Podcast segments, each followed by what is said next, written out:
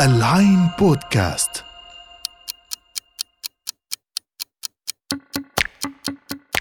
الساعة 25 الساعة اللي بتيجي بعد ما نقرأ نص أو نشوف فيلم. ونلف مع شخصيات خيالية برا الزمان والمكان. أنا سلمى أنور وحنتقابل أسبوعياً بالساعة ال 25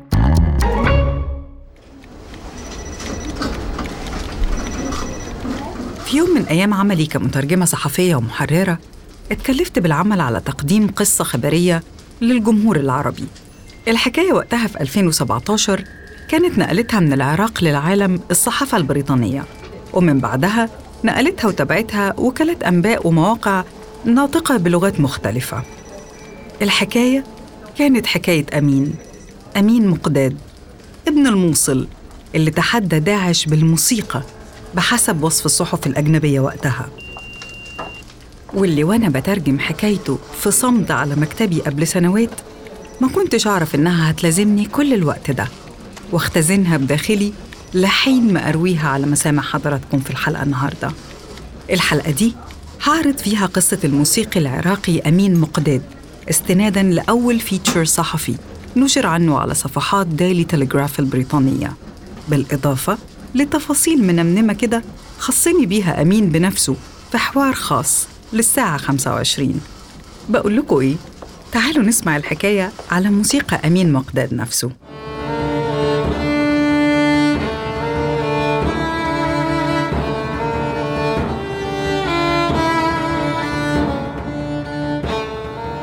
ممكن نبدأ حكاية أمين من اجتياح قوات تنظيم داعش لمدينة الموصل شمال العراق في يوم من أيام صيف 2014 تحديداً العاشر من يونيو. أمين بيقول عن اليوم ده إنه كان لا ينسى لأنه اليوم اللي قالت له نفسه فيه إنه خلاص ماتت الموسيقى النهاردة. في اليوم ده وبمجرد سقوط المدينة في إيد الدواعش طلع أمين على سطح بيت أسرته وعزف على الكمان لحن مسكر. شارك فيه الحي كله.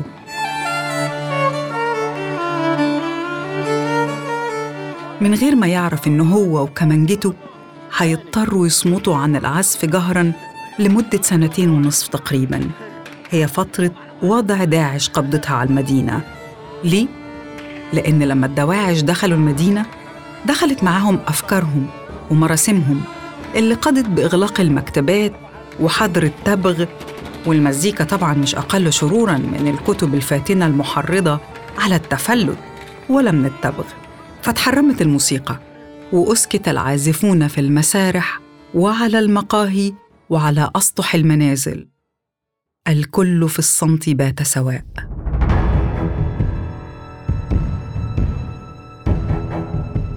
هنا ما كانش أمام أسرة أمين إلا الفرار من العالم الرمادي اللي بدأ يتشكل حواليهم إلى بغداد اللي كانوا أصلاً فروا منها في 2003 للموصل خشية المواجهات اللي اندلعت بعد سقوط بغداد. وفي الموصل لملم أمين آلاته الموسيقية وخباها في غرفة سماها غرفة الفن في منزل الأسرة. الغرفة اللي وصفها لي أمين وقال عنها غرفة صغيرة ثلاث أمتار في ثلاثة دافية ومشمسة ومسكونة بروح الفن. أصل أمين مش لوحده اللي مسته ربة الفنون لأن أبوه كمان نحات المالك الشرعي للفراغ زي ما بيقولوا والقادر الوحيد على إنطاق الحجر. أما الأم فهي رسامة سيدة الأوراق البيضاء المتواطئة مع الألوان. أما الخالات الحانيات فاكتفينا بتدليل أمين وكانت أول آلة موسيقية أهديت له في حياته على الإطلاق من خالاته الحانيات ما أحلى تدليل الخالات.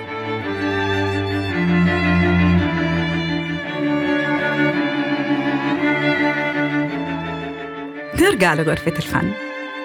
الغرفة في اللحظة الفارقة دي من تاريخ الأسرة لعبت دور مخبأ آلات آمين الموسيقية.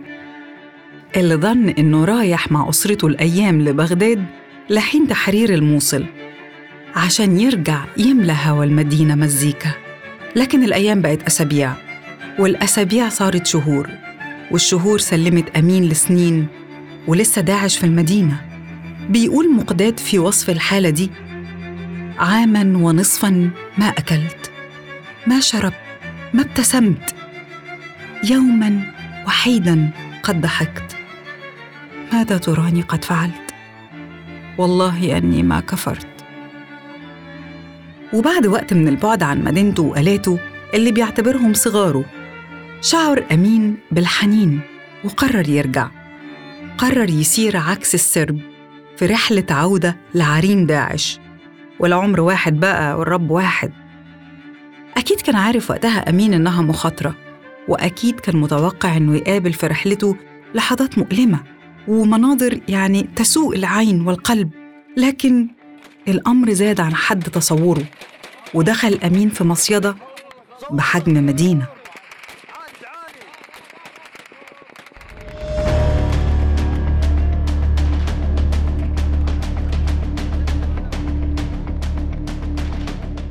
دخل ومنع من الخروج لفسطاط الكفر.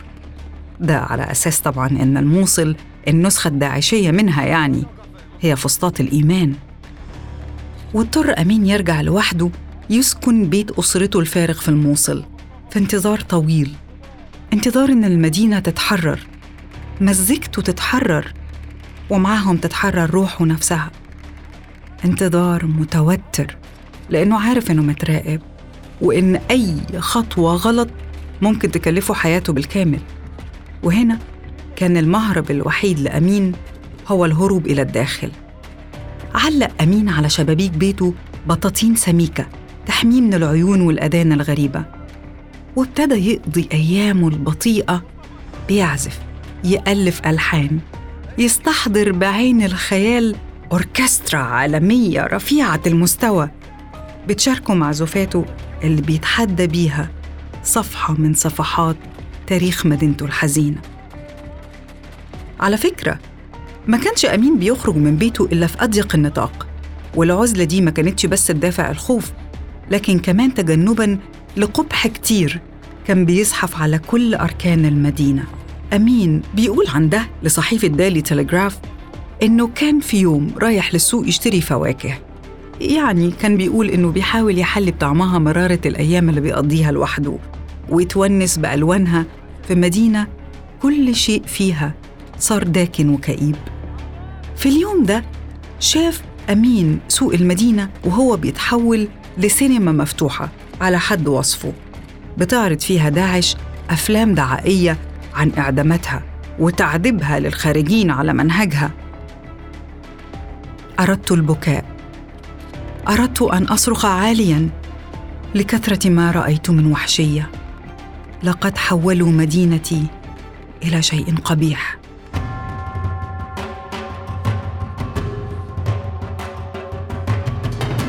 هكذا تكلم أمين.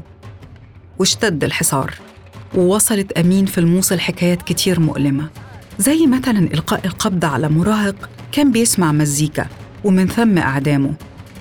الحكايات اللي من النوع ده حفزت أمين أكتر إنه يقاوم وده خلاه يحكم إغلاق نوافذ البيت ويستمر في العزف وفي تأليف الموسيقى مش بس كده لكن كمان ابتدى يسرب مقاطع موسيقية لصفحته على فيسبوك.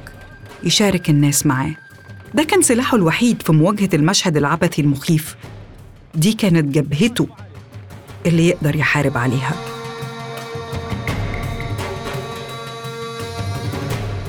كانش أمين يقدر يعمل أكتر من إنه يستمر في العزف والخلق والكتابة والإبداع ومحاولات تسريب جزء من هذا الجمال للعالم الخارجي. في تحدي ما كانش ممكن غرور التنظيم يقبله طبعا. وكان طبيعي تيجي لحظة يلاقي أمين مقداد رجال التنظيم جوه بيته بيستجوبوه لساعات متواصلة. ولما انتهى الاستجواب وعدوه إنهم يرجعوا له تاني عشان يلقنوه درس عن شيطان المعازف. وطبعا صدروا كل صغاره ثلاث كمانجات جيتارين وتشيلو. وكان على أمين إنه يغير مخبأه من اللحظة دي. فضل من بعد يوم الاستجواب مطارد مختبئ في بيت قريب له بالمدينة. ولأنه لا حياة بلا خيال فالعازف المشاغب ده ارتجل آلة موسيقية من الخشب وأوتار جيتار قديم كان عنده. فكانت النتيجة حاجة تشبه آلة الحرب. واستمر أمين في العزف. 193 يوم بالتمام والكمال. ست شهور وزيادة شوية. حسبهم أمين يمكن بالساعة. الأيام دي مرت على الوضع لحد ما حررت قوات الجيش الوطني المدينة وخرج أمين مقداد للنور بآلاته ومزجته وقصايده والأهم من ده كله بوجهه وبإحساسه إنه ما انهزمش. على فكرة قصة العازف العراقي أمين مقداد مش وليدة العدم. القصة الملهمة دي ليها جذور في تجارب تاريخية سابقة ومتوثقة زي التجربة اللي عاشتها مجموعة من النسوة الغربيات اتعرضن للأسر على أيدي القوات اليابانية أثناء الحرب العالمية الثانية. المجموعة الستات دي احتجزن في جزيرة سومطرة اللي كانت محتلة من اليابانيين وقتها. السيدات دول طريقتهم الوحيدة في مقاومة الظروف القاسية اللي كانوا أسيرات فيها كانت إنهم يعملوا سيمفونية. ومن غير آلات لأنه ما كانش مسموح ليهم بطبيعة الحال بوجود آلات. طب عملوها إزاي؟ ببساطة بحناجرهن.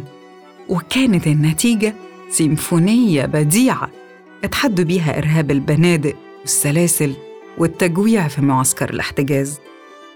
الفيلم اللي بيوثق التجربة دي اسمه The Paradise Road وهو فيلم أمريكي من إنتاج سنة 1997 أنا فاكرة كويس إني شفت الفيلم ده أول مرة لما كنت مراهقة وكانت أول مرة ساعتها أعيد تفكير في فكرة التحدي والقوة الناعمة والقدرة على مواجهة الخصم بالقيمة والمعنى.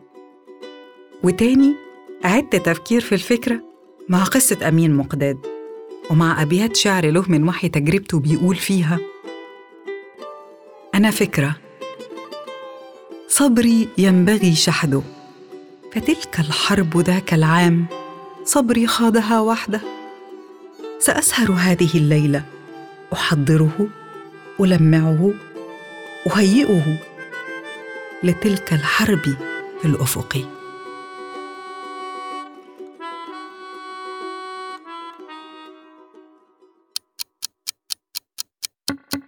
بكده تكون خلصت ساعتنا ال 25 النهارده.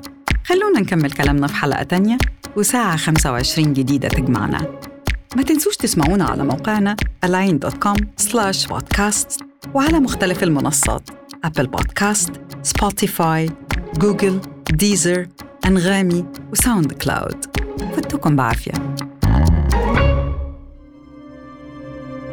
العين بودكاست تسمع لترى العالم.